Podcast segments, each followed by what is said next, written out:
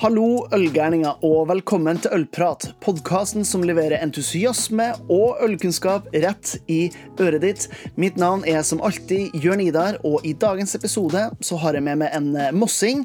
Ikke hovedsakelig for at han er en mossing, men for at han har vært med og starta noen av hovedstadens mest kjente ølsteder, i tillegg til å starte et utested midt under en pandemi. Før vi setter i gang med praten, så tenker jeg at eh, jeg vil bare si en stor takk til alle patrions som er med og støtter podkasten med et par kroner. På patrion.com slash ollprat kan du òg gjøre det samme hvis du liker den jobben jeg prøver å gjøre for norsk håndverksøl. Jeg tenker at det er nok eh, snakk. Det er på tide å fylle kaffekoppen, eventuelt glasset med noe høyt skummende, og lene det tilbake for denne episoden av Ølprat.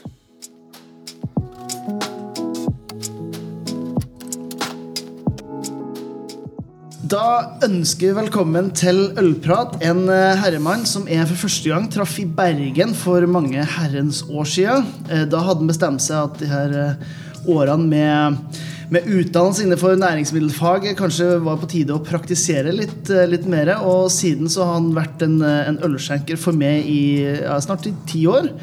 Jan Thomas Nybakk, velkommen til Ølprat. Takk for det. Hyggelig ja. å bli invitert. Ja. Eh, vi skal jo komme tilbake til Apa på veggen, som vi har eh, bak oss her. Og, og i hele tatt, Men kan ikke du bare gi lytterne en sånn rask introduksjon hvem, hvem du er? Hvor du ja. kommer fra? Ja, jeg er fra Moss. Jeg er, over, jeg er veldig Jeg tror det er få som er så stolt av å være som Moss fra meg. Det er veldig viktig å få det fram eh, til ja. alle folk. Det er veldig rart. Pølse i vaffel til alle folk. Men, uh, som, men ok, hopp, hopp, det stopper litt der. da Hva, hva er det som, som er så bra med Moss? da? Jeg tror det er fordi Moss har hatt så dårlig rykte alltid. Så jeg føler at jeg må stå opp for det. Altså Mosselukta og ja, nei, så jeg, jeg, jeg, tror det er bare det det er i. For jeg har alltid Spesielt når jeg studerte i Trondheim, så var det sånn ah, jeg er fra Moss. Så var det noe vi vurderte å si var fra Son, fordi det var litt skjellsord. Men uh, jeg tror som bare har gjort at nei, jeg må få fram oss. Ja. Det, er jo, nå, nå sporer vi her med én gang, men det får bare være. For folk bare lever med. Er det jo en av de tingene jeg oppdaga etter at jeg flytta til Oslo. Jeg har bodd i Oslo i ti år. Jeg kommer ikke herfra. Det er jo all, til og med alt kan du høre at jeg kommer fra et helt annet sted. Men jeg tar jo meg sjøl i å forsvare Oslo og hvor bra Oslo er. Ja. Så det kan jo bare være noe med at uh, der man kommer fra eller der man bor, det tar man sånn ekstra, ekstra vare på. Ja, Nei, jeg tror det er det. Så, men, altså, jeg har ikke hatt det her, men de andre stedene jeg har hatt, så har det liksom vært Mossedag med pølse i vaffel. Og, mm. ja. det er helt magisk. Ja, det var viktig for meg. Jeg flytta til Moss for uh, tre år siden. Mm. Men så gjorde jeg gravid, og da måtte jeg tilbake igjen. Ja, det, shit happens. Ja. Altså, jeg var sammen, det var ikke sånn. Ja, nei, det, det, er greit. Det er greit. ok, men i hvert fall Du kommer fra Moss. Ja, så det egentlig så starta min ølkarriere der. Fordi mm. jeg var øh, Jeg gikk på noe som het hotell- og næringsmiddelfag da. Restaurant- og matfag i dag. Og da øh, var jeg faktisk lærling på Moss bryggeri. Ah. Som da var Norges nest eldste bryggeri, etter mm. oss. Så det er sommerjobb. Og tror det var to uker etter at jeg signerte læringskontrakten, så ble Moss Bryggeri konkurs. Ja. det var min feil, jeg drakk ikke så mye øl på den tida der, men uh, det var litt kjedelig. Så jeg starta rundt 96, vel? 97. Mm. Uh, men jeg skal ikke si Det var ikke sånn at jeg dro til England for å prøve forskjellige ales. og sånt, Jeg var ikke der. Jeg var mer bare glad i å drikke øl. Ja, øl var godt liksom. ja, Det var så vidt ekstra stas når skjærgårdspilsen kom til, ja. uh, til Ringnes. Så drakk jeg masse øl da. Men mm. Men så var det ut av øl. Men jeg har alltid jobba med mat og drikke. Mm. Um, før jeg utdanna tok en bachelor i matteknologi. Mm. Og så jobba jeg som næringsmiddelkonsulent i fem år. Og så tenkte jeg nei, jeg har lyst til å bli lærer ja. på videregående. På restaurant- og matfag. Og da trengte jeg en deltidsjobb.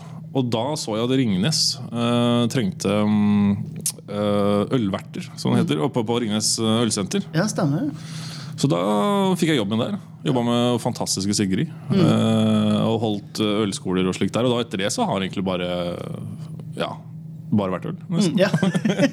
ja, så jeg var lærer i tre år. da ja. Eh, jeg kom jo aldri inn på videregående. Fordi, eller kom inn, det hørtes feil ut. Det var ingen ledige stillinger. Fordi Nei. det er ingen som søker restaurant- og matfag. Nei, det, det har Jeg oppdaget Jeg har jo jeg har faktisk sjøl vært, eh, vært, lærer på restaurant- og matfag. Ja. Men jeg har vært på en av de få skolene i Norge som har hatt til og med venteliste. Eh, oppe i Brønnøysund. Så det har vært et mm. fantastisk miljø. Men uh, en av de tingene som er sånn i retrospekt, uh, noe som er blitt mye mer bevisst på, kanskje spesielt på øl, da, det er hvor, hvor svakt den uh, fokuset på mat og drikke var eh, på den tida. Mm. Vi skal komme inn på det litt, litt senere. Men, men hva er noen av sånne tingene som du tok med deg fra, fra den tida som lærer? Ja, altså det er ikke minst du er jo Nå har jo mye av min tid i eh, ølbransjen Så har jeg vært daglig leder og leder. Eh, og du er jo på en måte sjef når du er lærer òg. Ja, Jeg, jeg, jeg havna jo på ungdomsskolen, eh, så jeg var rett og slett god gammeldags heimkunnskapslærer. Ja. Eh, og så hadde jeg naturfag og et valgfag hvor elevene starta egen sånn elevbedrift. Eh, og det, det er klart, man blir jo Når du har 30 fjortiser, så man blir jo mer pedagogisk. si. Altså, du skjønner litt at uh, folk er forskjellige. Det er litt forskjellig hvordan man prater til folk. Ja, spesielt i den alderen nå, når de er på vidt forskjellige stadier i utviklinga. Ja, så det var, men det ble litt, litt for mye hormoner for meg etter hvert. Altså. Men, eh, Ikke men- dine, da. Nei, ikke mine. Men for å si det sånn, på de tre åra jeg var ungdomsskolelærer Fordi vi fikk jo Hvert år så så vi jo hvem, hvem som søkte hva. Og på tre år, og det vil jo si ca. nesten 500 elever, så var det eh, to elever som hadde restaurant- og matfag på tredjevalg. Ja. Og det var det. Ja. Så nei, eh, jeg, jeg skal ikke si jeg ser, ser eh, mørkt på framtida for restaurant- og matfag, men eh, det, ja, det er ikke Det må bli bedre. Ja, det må bli bedre, altså. det er så synd. Det er en fantastisk eh, bransje, men det har vel fått et dårlig rykte. Og alle vil gå kultur og eller hva heter det, kommunikasjon og media. Og, ja. Det som skal bli på Paradise Beach. Og det er eh, Stemmer. Ja, så Nei. Men takk og pris, det er jo fortsatt mye bra folk i eh, serveringsbransjen og generelt i bransjen. Ja, men, ja, det er det. men hvordan Ja. Øh, Hvordan det ja, blir i framtida, det vet jeg ikke. Jeg, jeg håper jo det som er at du, du har jo, Vi har jo fantastiske kokker, vinner jo VM. Og, så du har liksom det toppsjiktet, men det er liksom det mellomsjiktet kanskje folk så, Vi sliter litt i Obos-ligaen, men gjør det Ja. helt, helt i tippeligaen, liksom. ja. Så jeg håper det at det får en liten oppblomstring igjen. Altså. Jeg husker når jeg, for jeg var utplassert på restaurant- og matfag gjennom øh, Når jeg tok PPU. Og da husker jeg de klag- skyldte på litt på Hellstrøm og sånn. Jeg tror ikke Hellstrøm skal ha mye med det her å gjøre. Jeg føler han har liksom skapt litt mer øh, Ja, jeg, jeg husker jo når, eh, når jeg begynte Jeg begynte egentlig med helt tilfeldighet jeg, på kokkelinja. Jeg, jeg visste ikke hva jeg ville. Og så hadde jeg en, eh, en studieveileder på grunnskolen som sa jeg burde bli forskalingssnekker, for det kommer alltid til å være behov for sånne folk. Jeg bare, Det skal jeg i hvert fall ikke bli. Men så sa jeg var, ja, kokk, ja. Men det, å lage mat var litt gøy. Eh, Men så var det fransk, og jeg hadde lyst til å lære et nytt språk. Så så enkelt var mitt valg da. så det, det, det trenger ikke alltid være så, så avansert. Nei, det trenger det ikke være. Men eh, du, du gjorde det i hvert fall, og så begynte du å praktisere litt mer da. Og første gang som sagt, jeg traff det, var jo i Bergen. Ja, for det var jo der det ordentlig uh, starta da. Fordi jeg møtte ei fra Bergen, og så ble det en ledig stilling på noe som eh, Eller de skulle startet uh, bryggeripub nede på, mm, eh, på Brygga i Bergen. Som eh, het Una, eh, rett og slett. Og det Og jeg tenkte sånn Jeg hadde jo brygga mye eh, hjemme, altså. Ja. Og så De søkte ut på en måte en leder og en brygger. Altså, være, så tenkte jeg ja, jeg var litt lei ja, faktisk Oslo og lærertilværelsen. Så tenkte jeg ja, jeg søker, da. Eh, og så så, ble, så husker jeg jeg sendte inn søknaden på ja, på en lørdag formiddag. Og så ringte de meg på lørdag ettermiddag. Uh, og så skulle jeg tilfeldigvis til Bergen.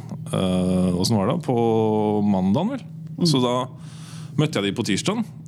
Og så hadde jeg et firelangs intervju, og så ble jeg tilbudt jobben på slutten av intervjuet. Ja.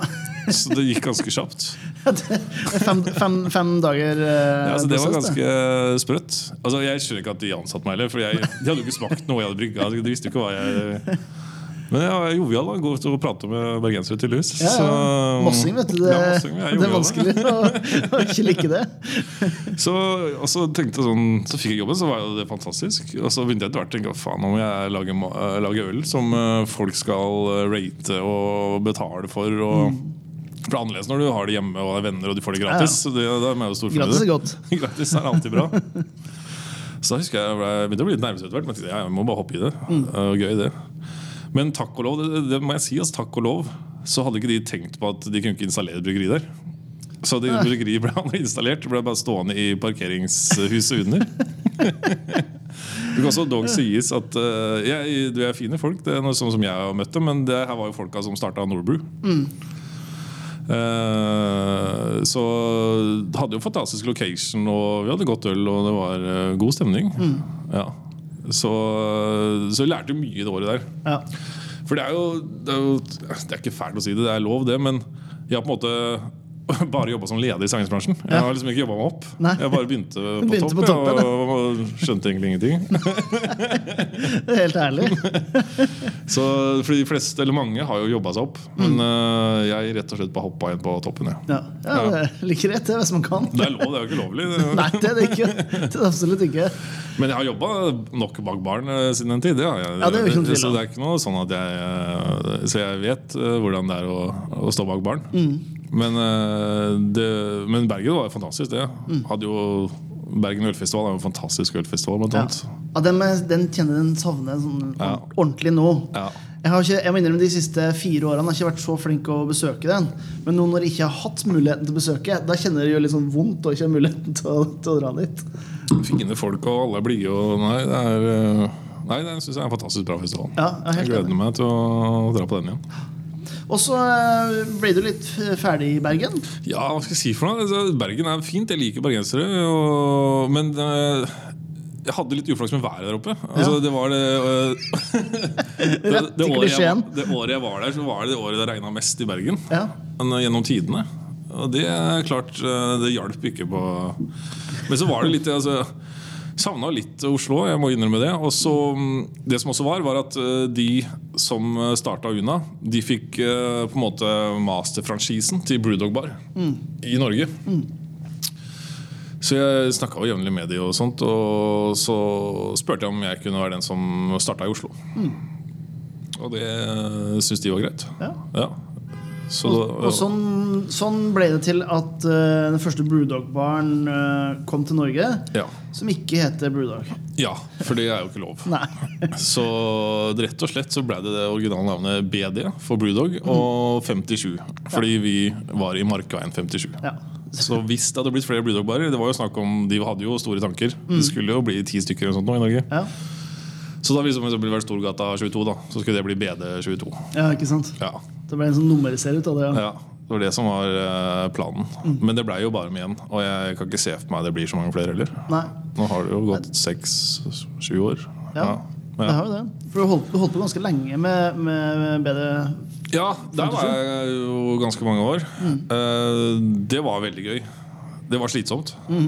Det var slitsomt. Det var, uh, men vi hadde takk for sikkert korona. Det hadde ryket, tror jeg. Men, eh, og så hadde vi litt uflaks òg, altså, med at akkurat når vi åpna, så var det greit. Da hadde vi ganske bra tilgang av Brewdog-øl.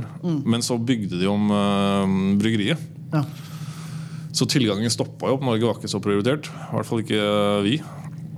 Så på det verste så hadde vi én Brewdog-øl, Ja. og var Brewdog-bar. ja. Det, er, det er litt sånn eh, Det er litt antiklimaks, egentlig. Ja.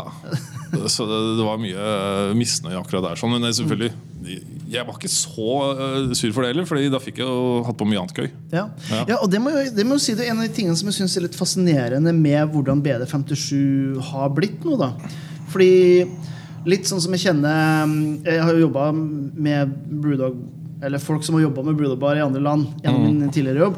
Eh, og der er det mye mer Brewdog-fokus. Mens BD57 er jo bare en veldig bra ølsted som tilfeldigvis også har veldig mye Brewdog. Eh, og det, sånn sett så skiller det seg litt. Hvordan, hva var noen av de tingene som, som dere gjorde for å på en måte etablere BD57 som et, som et bra ølsted i Oslo? Der det allerede er såpass mange ølsteder, liksom. Ja, for det som også var, var jo at eh, det som Brewdog er jo veldig god på, det er jo markedsføring. Og vi kunne jo ikke markedsføre verken navnet eller alkohol. Kan ikke gjøre noe. For det, altså Brewdog har lagd mye bra øl, det er ikke det, altså. Men de er jo jeg må si de er best for markedsføring. Jeg synes Ja, de, de gjør jo så mye bra. Og folk uh, går jo bananas over dette her. Så vi, vi på en måte kunne jo ikke bruke den delen de var best på. Nei. Nei. Uh, og det er klart det Så ja, altså, jeg, jeg tror mange ikke visste at det var en Brewdog-bar, Ja. for å si det sånn. Det tror jeg helt rett. Ja. For ikke het noe med Brewdog, og vi hadde jo ikke noe Brewdog-logoer eller sånt noe i vinduet. Eller, eh, nei. Altså jeg tror alle sånne, De som var veldig interessert i øl i Oslo, de visste at det var Brewdog som uh, var der. Men jeg tror var- Hvis man gikk forbi en svensk brewdog-bar, for eksempel, så så du jo Ja, det var ikke noen tvil om det var ikke noen tvil om at det var en brewdog-bar. Alt er blått. Alt er blått. Så det er klart den hadde nok hjulpet oss litt grann, hvis vi kunne hatt uh, fått brukt den litt mer. I hvert fall i forhold til hvermannsen, som vet om Brewdog, men ikke vet hva det BD her går ut på. Men uh, det var veldig gøy. Var så Det var, det var jo et bra etablert eh, ølmiljø i Oslo da, Eh, men ikke sånn som det er nå. Uh, så det var jo Det var vel vi og Crowbar, Grünerløkka Brygghus. Uh, altså hadde jo mikrobryggeri og Bear Palace og litt sånt òg, men ja. Uh, Litt annet fokus Ja. og annet klientell. ja, jeg vil si det. Så, og Kaffe Sara, da. Så det var jo Vi var ikke så mange. Og det, det var nesten det gøyeste vi drev i Brewdog. Ja, det var liksom Det er litt morsomt òg. Vi, snakker om det fordi mange av de som er veldig inn i Untapped, da, eller kalles ølnerder Ja. For det var veldig morsomt når I starten på BD så satt de på en måte alene eh, og prata med oss i baren. og litt sånne ting da Men nå har du jo Så lurte som Kan ikke de bare sette seg sammen og så bli en gjeng? Ja. Og nå er det jo blitt en gjeng. Det har de vært et par år òg. Men det, det er gøy å se en utvikling der òg. Ja. Nå er de på ølturer sammen, og alt sånt, så det er gøy.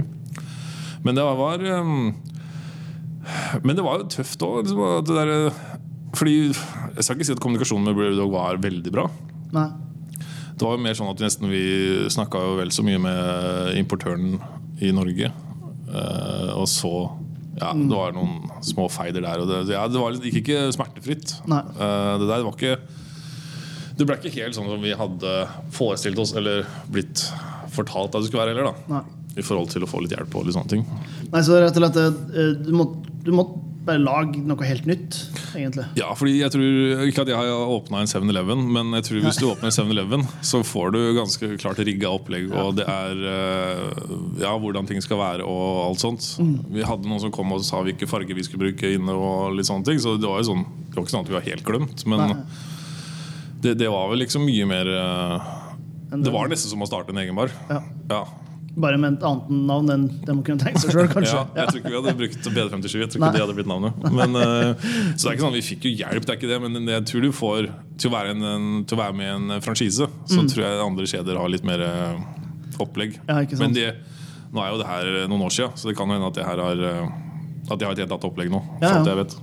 Ja, det har jo utvikla seg ganske mye. Og sånn som jeg tenkte på ja, De som du nevner nå med, med Crowbar, som jo er rett borti, borti her, eh, og Grünerløkka brygghus og BD og hele tatt, det, For meg så markerte det på en måte en eh, generasjon to med ølbarer. Eh, da jeg flytta til, um, til Oslo, så begynte jeg å jobbe på Vinopol etter hvert. Og hvis folk kom og spurte om vi kunne anbefale et godt ølsted, så liksom Ja, du har Lorry, eh, og så har du Olympen. Og hvis du ikke finner det ølet du søker etter der, så har jeg egentlig ikke så veldig gode, gode alternativer. Eh, og så slutta jeg med det. Begynte med øl på heltid. Eh, og så begynte bryggeriet, nei, puber og utesteder, som du snakker om. Da, så, og på en måte ja, skape en ny giv. da Ny interesse. Hvor, hvor mye tror du det har hatt å si for utviklinga av Øl-Oslo? Jeg tror jeg har mye å si. Altså, før så Før så hadde vi jo på BD og sånn, så var det jo folk som gikk. For vi hadde jo ikke um, Vi hadde jo ikke Ringenes pils. Eller vi hadde jo ikke, vi hadde jo ikke industripils. Nei. nei. Og de gikk jo, fordi nei, det, nei, det. var det eneste som kunne drikkes. Det var det. Uh, til og med jeg husker noen folk som gikk fordi vi ikke hadde Pepsi eller Cola, for vi hadde Tøyen Cola. Mm. Altså, jeg, jeg tror folk har fått et mye videre syn. da Videre syn. Mm. Eh, og så Folk, vært- folk syns det er veldig gøy å smake på nytt òg. Mm. Jeg følte ikke at det var det med en gang når vi starta. Nei. Nå er det noe helt annet. Nå føler jeg at hva skal for Ølnerden er der fortsatt, og alt det der men jeg føler liksom at eh, det har blitt flere gjennomsnittlige ølinteresserte. Ja. ja, det er Hvis jeg kan si det sånn. Uh, så så jeg, at det, Oslo er jo knallbra hvis du er glad i mat og drikke. Og, og øl òg. Ja. Altså, du får nesten alt her. Ja. Så det er Sånn sett, Er du glad i det, så er Oslo fantastisk. Moss er ikke like bra der. Har litt å gå på ennå, ja. Men det er en kort vei til Oslo. ja det, er sånn, okay. men det syns jeg altså, Oslo er knallbra nå på ølbar og sånn. Altså, Kjøben er bedre, det er ikke noe tvil om det, men vi kommer høyt opp, syns jeg, altså, Mm. når det kommer til eh, ølbarer. Ja, ja det er jeg enig, i, altså. Eh, og så blir du ferdig med BD, og så starter du eh, Brygg. Ja, der var jeg med. Det var Ja. litt eh, rart, for jeg var sånn at var litt lei på BD der, og så uh, tenkte jeg sånn Nei, jeg må bare komme meg helt ut. Um, for vi var på vei til å selge. Eh, fordi vi var litt lei av å være Brewdog-bar og ikke få så mye hjelp. Så, um, så jeg eh, begynte å se etter andre jobber. Og da var det Det var tre jobber jeg søkte på. Og jeg kom på intervju. Jeg var på Ringnes Brygghus, for de skulle åpne ca. samtidig. Og så var jeg på Brygg, og så var jeg faktisk på stillingen som bryggerimester på Borg bryggeri i. Sarpsborg. Ja. Yes. Og jeg kom til siste runde i alle tre. Ja. og så, men, så, var- så sto det vel egentlig nesten mellom eh, Borg bryggeri og, og Brygg. Og det, var- nei, ja, det, det var litt kulere å være med på det Brygg. Fordi, ikke at jeg kjente gutta så godt da, men de hadde jo starta kulturhus. Og det var liksom, fordi Første gang jeg hørte om Brygg Oslo, jeg så det på Facebook, så tenkte jeg det her er noe liksom som skal være Europas beste ølsted, og tenkte ja, ja, ok, de får bare kjøre på. Eh, de hadde, det var store ord, da. Eh, For jeg de, For de begynte å promotere det her ganske eh, i lang tid forveien. De var tidlig på'n, ja. De var tidlig på'n, så jeg tenkte ja, hva er dette for noe? Men ja, ja, ja. Men så søkte jeg der, og så møtte jeg folka, og det var jo kule folk. Um, og så fikk jeg den stillingen. Og da Det var hvor mange år siden? Tre år siden? Fire år siden? Um, og det er klart, det var jo litt større enn det jeg var vant til. ja. Det her var jo 1400 kvadratmeter. Plass til 500 stykker. eh, Tre barer. To pop-up-kjøkken. Det var jo, ja, Da var det jo petankebane nede. Og bordtennis oppe og egen brygglab. Det var litt større forhold. ja. Men jeg vil ikke si at det var Det er på en måte det samme som å drive et mindre sted også. Det er bare at alt er mye større. ja. det, det er fint oppsummert. Det er som et lite sted, bare mye større. Ja. Ja. Du må bestille nesten de samme varene, bare du må bestille mye mer. Ja. Så du må bare komme inn i det der. Og det er klart, det er klart jeg skal ikke si det er helt likt, men du har jo dobbelt så mange ansatte, eller tre ganger så mange ansatte. Det er jo litt mer å holde styr på. Tre barer og Da kommer erfaring fra eh, hormonelle 14-åringer godt i Ja, spesielt der. Så gjorde det. Så det, det er fordeler og bakdeler med å drive et stort sted og et lite sted. Eh, Lite sted, da, kanskje seks-sju ansatte, så blir det mye mer Jeg skal ikke si man blir familie, men du, du blir liksom, det er mye mer close. da enn- Mye mer sånn sammensveisa gjeng. Liksom. Ja, fordi du ser liksom egentlig nesten alle hele tida. Men når det er 30 stykker, og noen bare jobber eh, natt til lørdag, natt til søndag, eh, så, så er det ikke sånn du, ser, du får ikke det samme forholdet til alle ansatte. Nei. Så på godt og vondt, da, Ja, rett og slett. Du er mindre sårbar også på mange måter, men Ja. samtidig så har du ikke den Alle har kanskje ikke det eierskapet til det stedet de jobber på heller. Da. Nei, det er litt der. Jeg skjønner jo det hvis du er student og kommer inn annenhver helg og jobber fra lørdag natt. Mm. men altså, herregud, jeg var veldig fornøyd med det i brygg. Det er klart. Men det som også var at jeg ble jo ansatt bare en måned før. Mm. Eller bare, det er ikke bare det, men det er mye. Det var mye som måtte gjøres. Det var ikke ansatt en person. Nei. og du skal plutselig ansette 30 stykker på et par uker. Eh, Så det er klart Det var noen speed-intervjuer der som gikk ganske kjapt. Eh, Jeg, liksom, jeg tror det verste var at jeg hadde en ti intervjuer på en dag. tror jeg Ja. og det er klart, Da prater du med dem i 20 minutter, 20-30 minutter og så skal du ta en avgjørelse på det. um, Om det her, ja Så det, er noen av de Det var jo noen som forsvant ut igjen. Ja. Det var jo det. Det var jo ikke helt eh, Det var jo noen som hadde jugd litt og litt sånne ting. Så det, um, så det var, det var kaos i starten. Jeg husker når vi skulle ha den prøveåpninga. Det var jo en prøveåpning, men det skulle jo komme 300-400 stykker. Og da sto håndverkerne fortsatt og holdt på. Og det var eh, Ja. Det var ja, eh, Ja, vet du hva, det, der, det var hektisk. Ja. og, men det gikk, da, på et vis. Det gjorde det.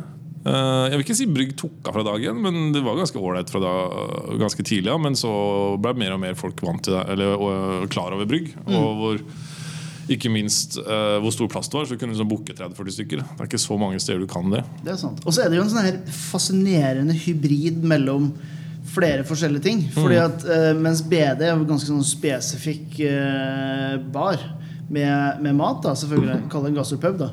Så Brygg åpner jo på morgenen og var jo åpent helt til langt på natt. Ja. Så du har jo både de som skal inn og ha morgenkaffen, og de som tar kontoret sitt der, og øldrikker og afterwork og i hele tatt en hel Man må jo legge en profil da som er veldig sånn spennende veldig vidt. da Ja, altså I starten så gikk vi jo veldig hardt ut. Vi åpna jo sju om morgenen. Til åpent til tre om natta. Og så, så var jo det tror nesten bare var Og så kom jo renholderen imellom der og vaska. Og så var det jo åpningsrutiner og stengerutiner. Så det var jo på et døgn her så var det jo nesten folk der døgnet rundt. Ja, tiden, Enten om det var noen renholdere eller noen som åpna eller stengte. Eller, ja, Det er klart det, det, det, det, jo, det er jo en svær maskin på en måte som, som driver og går rundt der. Og det, og er klart det, fikk jo til kvelden veldig bra. Dagtid var vanskelig. Jeg tror litt var det altså, folk som satsa litt på sånn frilanser og litt sånne ting. Da, men det er veldig bra og stor plass når det er fredag ettermiddag. Men det blir ganske svært hvis du sitter tre stykker på brygg og i hver sin krok. Ja. På, en, på, en, på en mandag klokka 11, liksom. Ja, det blir litt um, Da er det veldig svært. Ja. det er veldig svært Kulturhuset er svært, jo, men Kulturhuset er på en måte bygd opp av veldig mange små rom. Og du får det mer av, avlukka, Ja, på en måte. så selv om det sitter fire stykker inne på et rom på Kulturhuset, så er- ser det greit ut. Men sitter det fire stykker i første etasje på Brygg, så, så, så det, er noe, det er litt sånn at folk trekker folk òg. Det er det, har- det har noe med det der å gjøre. Um, men eh, så Ja, nå er jo Brygg stengt uansett, akkurat nå. Ja. Men eh, jeg tror sist ja, I hvert fall når det blei korona, så var det jo ikke noen morgen fra, sånn frokostmøter og litt sånne ting heller. Nei. Og da ble det vanskelig å holde oppe på morgenen. Ja. ja, Ja. det kan jeg skjønne. Du skal selge litt kaffe for å tjene inn eh, og holde oppe, altså. Ja. Skal jeg gå og starte den på nytt før den slår seg av? Ja. Det er jo en eh, fint utstyr, men eh, det er jo litt sånn det Sånn som der er jo betaling for en jobb jeg gjorde. ja. For at eh, jeg hadde antagelig fått mindre betalt fysisk i kroner og øre enn hvis, hvis du kjøper den, for da kan du skrive av på Ja, ja, ja, Så det er, sånn, eh, det er ikke alt er ikke helt eh, det, det bare ser bedre ut enn det. Så det å skru av og på, det er litt sånn her Ja, irriterende. Eh, ja, og så blir det jo etter hvert ferdig også i Brygg. Og ja. Altså, eller vil si, jeg er jo jeg er, jeg er fortsatt en eh, liten stilling på Brygg. Jeg er controller, heter det. Mm. Ja. Det er veldig fancy. Det, men, eh, så jeg driver liksom økonomien, men akkurat nå så er det jo ikke så veldig mye økonomi Nei, å, nei, jo Mm. å drive med på Brygg, så jeg har permittert derfra. Men det som var, var jo at um, Som jeg sa litt tidligere, så skulle jeg bli pappa. Mm. Så jeg skulle gå ut um, i pappaperm 3. mars. Men uh, året før der da, så hadde jeg og Kevin Kevin også med å starte Bindas. Mm. Eh, han er driftssjef for Brygg. kan gi en liten shout-out. Han driver jo også Pft, hjemmebryggeri.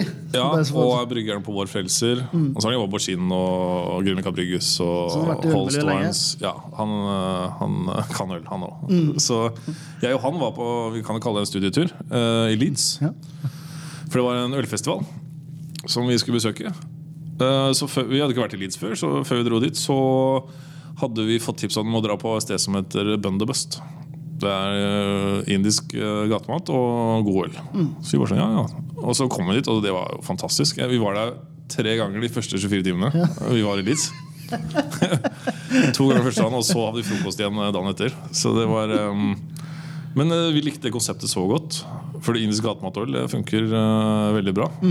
Eh, men der det var kun vegansk og vegetarianer. Ikke Ikke noe meat.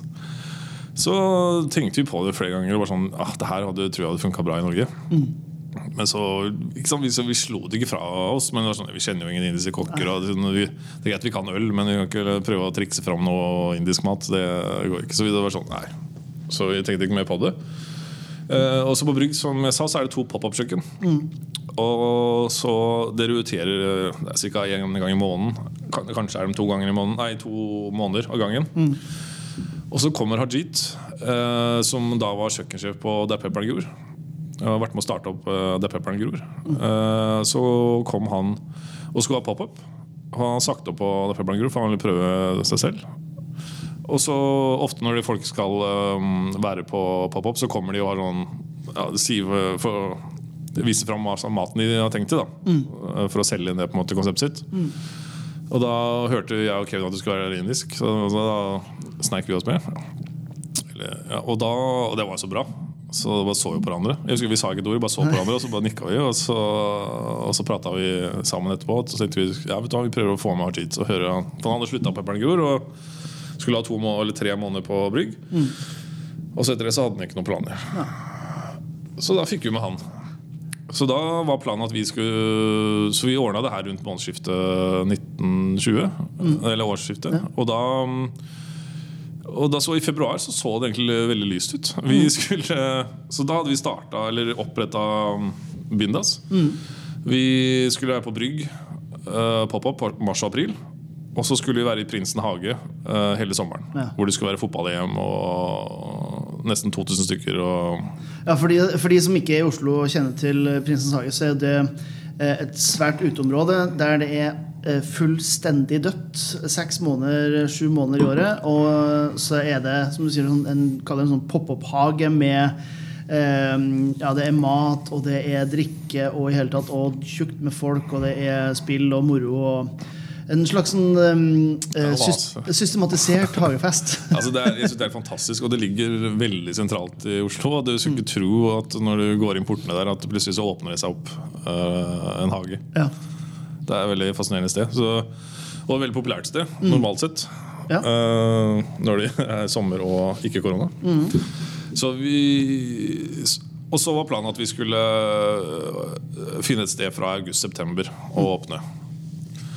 Så, og så, så februar tenkte jeg ah, det her blir et bra år. Eh, altså Jeg hadde hørt om de eh, virusene i Kina, ja. og det, men, eh, men så For jeg skulle ut i pappaperm 3. mars. Eh, og så skulle vi starte Bindas. Og, jeg dro ut i papperm, og vi starta Bindas. Og så begynte jo å skjønne når Holmenkollen eh, For det var vel ja, 6.-7. mars, jeg veit ikke. Ja. noe rundt her. Eh, når du ikke fikk lov til å ha publikum der, skjønte jeg at noe var gjære. Tenkte ja, ja, det her går over. Det, er ikke så ille, men eh, det var jo det. Så var det jo Så vi fikk vel eh, noen dager eh, på Brygg, og, og så var det jo bare stopp. Så det ble jo ikke noe mer eh, Brygg, for Brygg var jo stengt i mars-april. Um, det blei jo Prinsen hage, men eh, det blei jo ikke noe i nærheten av hva det skulle være. Fotball-EM var jo avlyst, du kunne ha 150 stykker eh, der. Um, ja så, så, vi har, vi, vi, så vi har fulgt planen. vi, vi begynte på Brygg, og vi var i Prinsen hage. Og vi fikk et lokale fra august september. Men ting, kan, ikke, kan ikke si ting har gått etter planen. Nei, det er Det, sant. det kan vi si.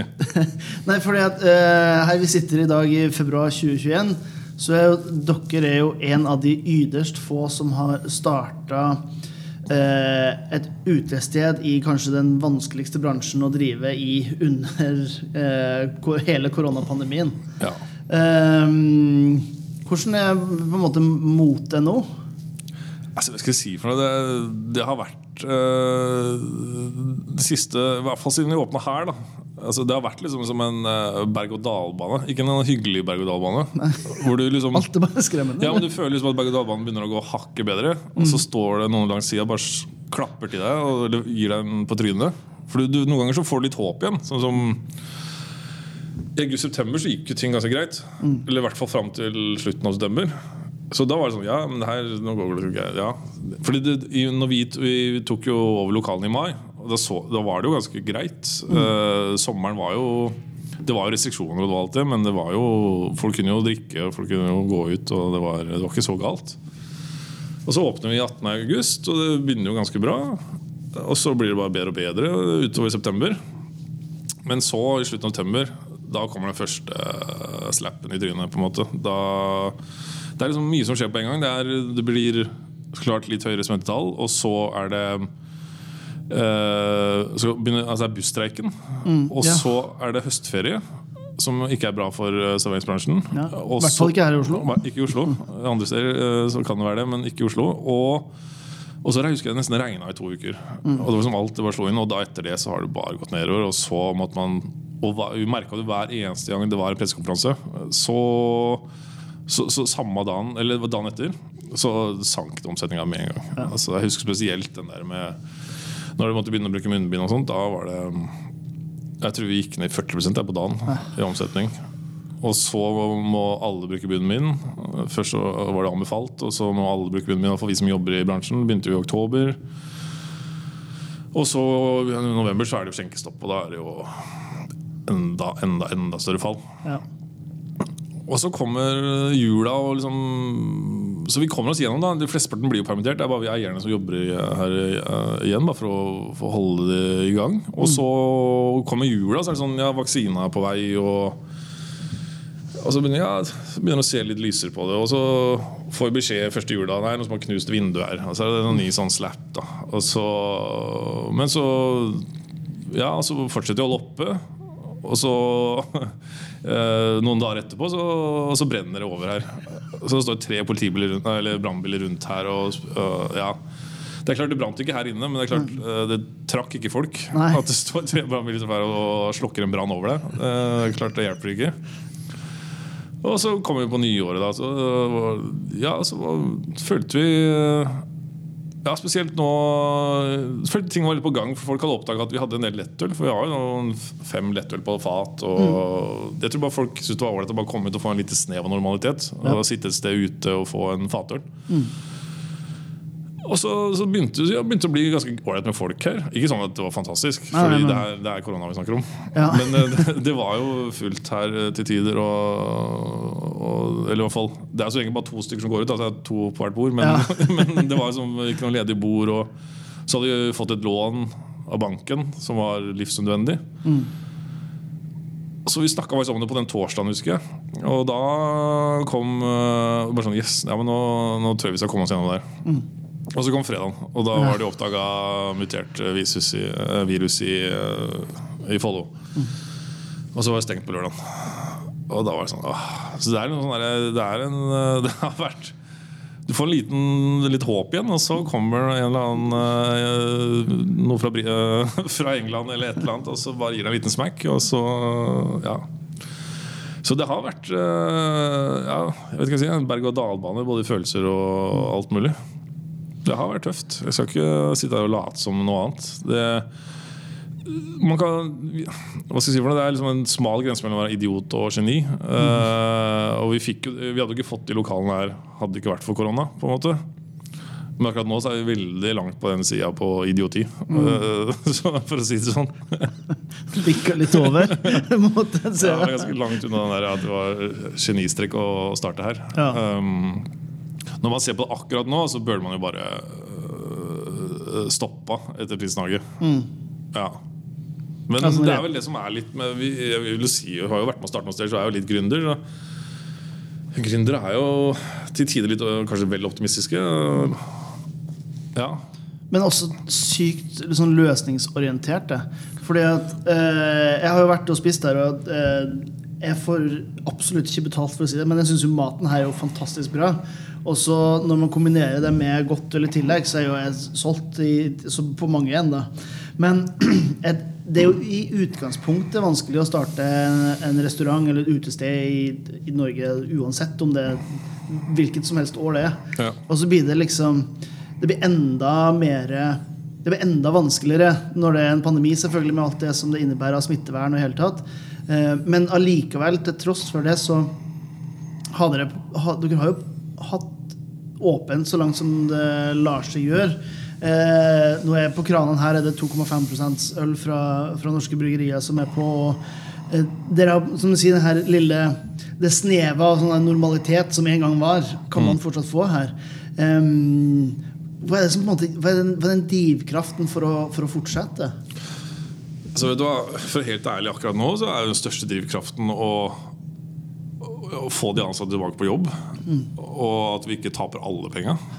Altså Det er fælt å si det. Altså, Jeg skulle gjerne sagt at det var fordi uh, skaperglede og alt mulig der, men eh, det har vært noen måneder eh, som har vært så tøffe som nå. Så det jeg, har sett lysere på ting Ja. enn jeg gjør akkurat nå. Ja. Det blir litt mørkt her. Men, eh, men eh, jeg skal ikke sitte og late som det her ikke har vært tøft. Det går jo å gjøre noe med psyken din.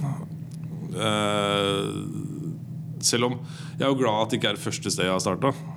Sånn sett. Eh, så jeg har jo vært gjennom det før. Det er jo ikke sånn at det er ingen, nesten ingen av stedene jeg har vært med å starte, har gått fantastisk fra det første måned. Ja. Altså Det tar tid. Altså Du får kanskje den der boomen med en gang, for det er nytt, og du får disse døgnfluene som vil prøve alt som er nytt. Um, Men, uh, men det, det har jo vært liksom Nå liksom skulle jo liksom vi Altså Sånn som vi åpna i september, liksom, det, liksom, det er på en måte, da begynner den beste tida for uh, serveringsbransjen.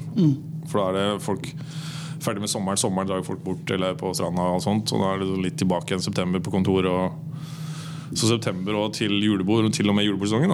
Ja. Det er jo en veldig bra periode, egentlig.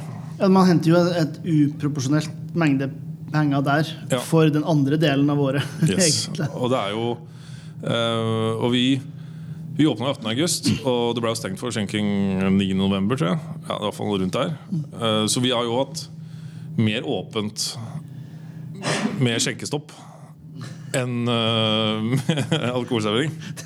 Det er bare, det er bare trist, egentlig. Ja, fordi liksom, I budsjettene så skal jo ølsalget stå for en 60% i hvert fall. Ja. Så, mm, så det har jo vært eh, Så vi har jo blitt på en måte mer en restaurant. Altså Vi vet jo ikke hvordan det er å drive her uten korona. Nei. Vi har vel fortsatt ikke fått lov til opp etter klokka tolv. Vi hadde vel opp til klokka ti, kanskje, og så kunne opp til tolv med, mm. med slippe-inn-slipp. sånn, Ja, altså, man stopp, stoppa innslipp klokka ti. ja. Så vi har liksom ikke fått eh, Du vet, man, altså, eh, Bindas vet rett og slett ikke hvordan det er å være normal. Nei. Det bare, alt bare Vi har jo på en måte vært en restaurant vi, med lettøl og alkoholfri øl. Og det er jo hyggelig, det, det er ikke det. Men det er liksom ikke hele konseptet. Det er jo mye ting ikke vi har fått prøvd ut, som vi har lyst til å, å gjøre. For egentlig så er vi jo vi er jo i Torgata. For de som ikke er kjent i Oslo, så er Torgata er jo en gate det er litt folk. Normalt sett. Men akkurat nå så stenger 7-Eleven i Torgata klokka fem. Starbucks er stengt, liksom. Ja, Og de altså- stenger nesten aldri. Nei, altså 7-Eleven skal- er jo døgnåpen her. Ja. Og stenger nå klokka fem på ettermiddagen fordi det er ikke folk i gatene. Hele, konseptet. Ja. Ja. Så det er eh, Jeg skal ikke late som at det her ikke har vært tøft, men men folk gir jo bra tilbakemeldinger, og det er, det er jo god stemning. Så, så vi har jo håp om at, at det her skal gå. Men det er den tvilen da, når du aldri Det var lettere å Det var lettere Hvis vi hadde, hadde vært normal tid, da, så har det ikke gått. Så det bare sånn, nei, ok, du dreit deg ut. øh, Det var ikke konseptet her, funka ikke. Sånne ting. Nå vet vi jo fortsatt ikke om det konseptet her funker. Vi vet at folk er fornøyd med maten. Ja, men, men, ikke om det Om hele konseptet pakka. funker. Nei. Så det er jo, det er jo usikkerhet òg. Jeg skal ikke late som noe annet. Nei. Det er jo en full nedstenging over to måneder. Det er jo krise for oss. Ja. det, du, du vet jo hva som skjer. Det er den der usikkerheten. Det er alltid usikkerhet med å åpne sted, det, det er det, men du får litt ekstra usikkerhet. Litt lettere å kalkulere med de vanlige usikkerhetene Ja. enn uh, en det her, Ja, liksom. det er det. Vi håper jo at to, om to år så ser vi tilbake på det her og sånn Ja, korona det var et møkkaår, men det hadde vi ikke fått i lokalene her. Det, sånn, som vi håper vi er der. At det ikke er om et halvt år, så er vi konkurs. Ja, ikke sant? Ja. Men du, eh, ja, da kan vi jo se litt inn i, i på en måte kalle det framtida. Hva, hva tror du skjer? For det er jo ingen andre steder i Norge som har denne typen eh, kombinasjon mellom indisk eh, mat og godt håndverksøl.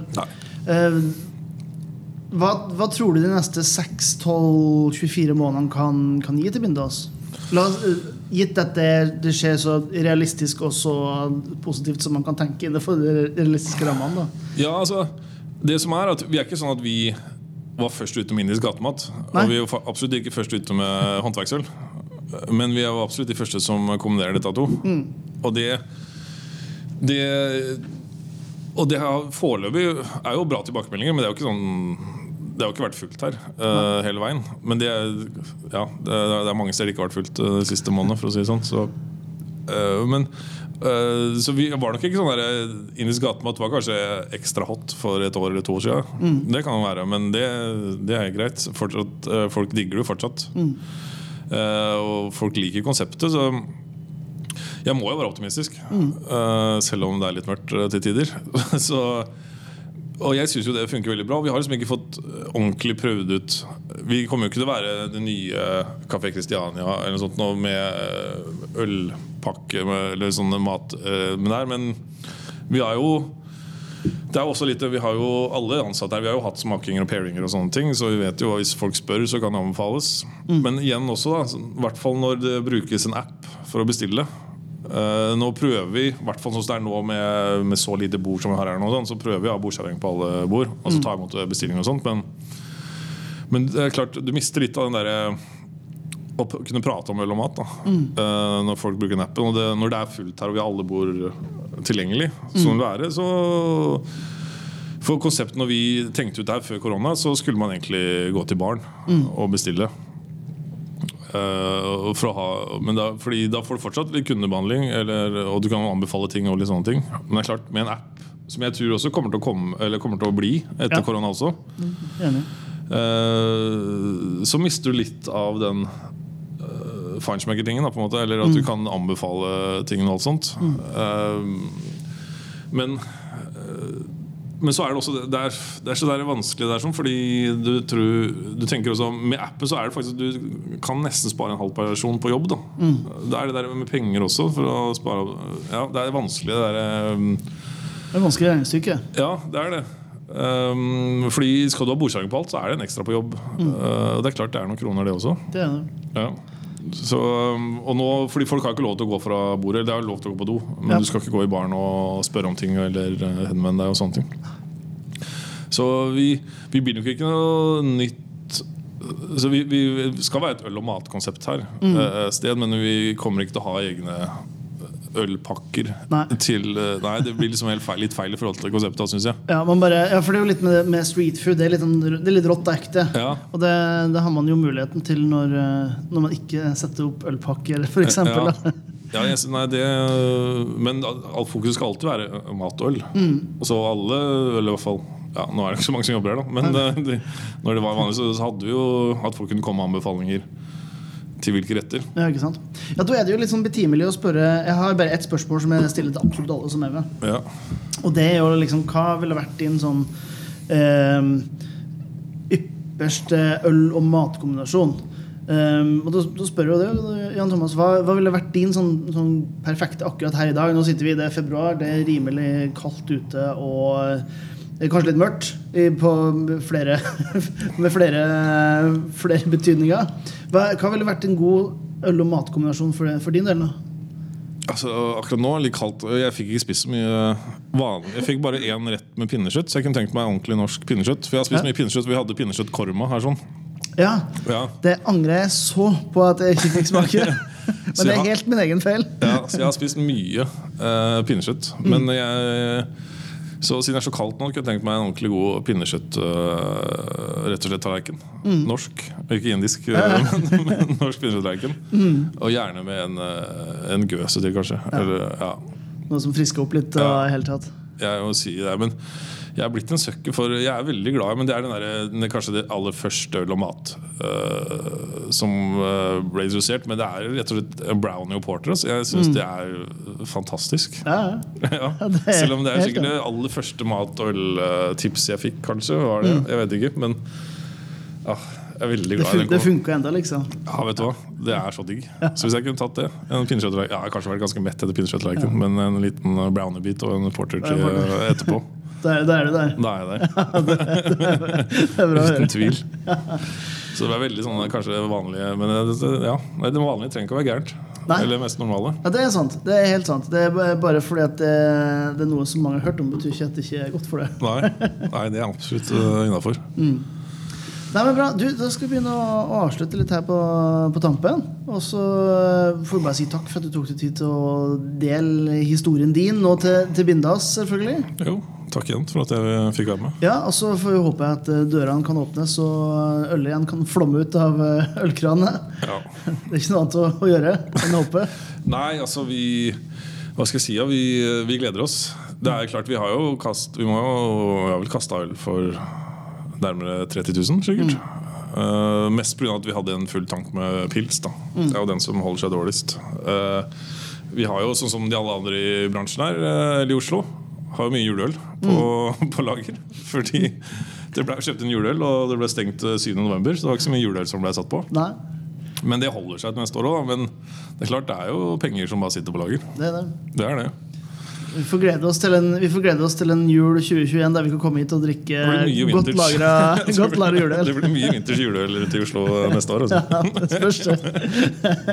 Ja, Jan Thomas, tusen takk for praten. Jo, takk for det. Takk til Jan Thomas som tok seg en tid til å prate med meg. Eh, hvis du vil vite mer om prosjektet, så kan du sjekke shownotesen for den podkasten. Og ikke minst, takk til det som eh, så eller hørte på. Jeg setter veldig pris på alle tommel opp, alle kommentarer, alle abonnementene som jeg får. Eh, det hjelper det her internettgudene på å sørge for at flere får ølprat trøkka inn i øregangene sine. Det kan vi like, ikke sant? Hvis du vil vite mer om det jeg holder på med, sjekk ut høytskum.no. Oppskrifter, artikler, ja, en hel haug med god ølkunnskap, ja, det kan du finne der. Og så må du huske til neste gang vi høres, at livet, ja, det er for kort til å drikke dårlig øl.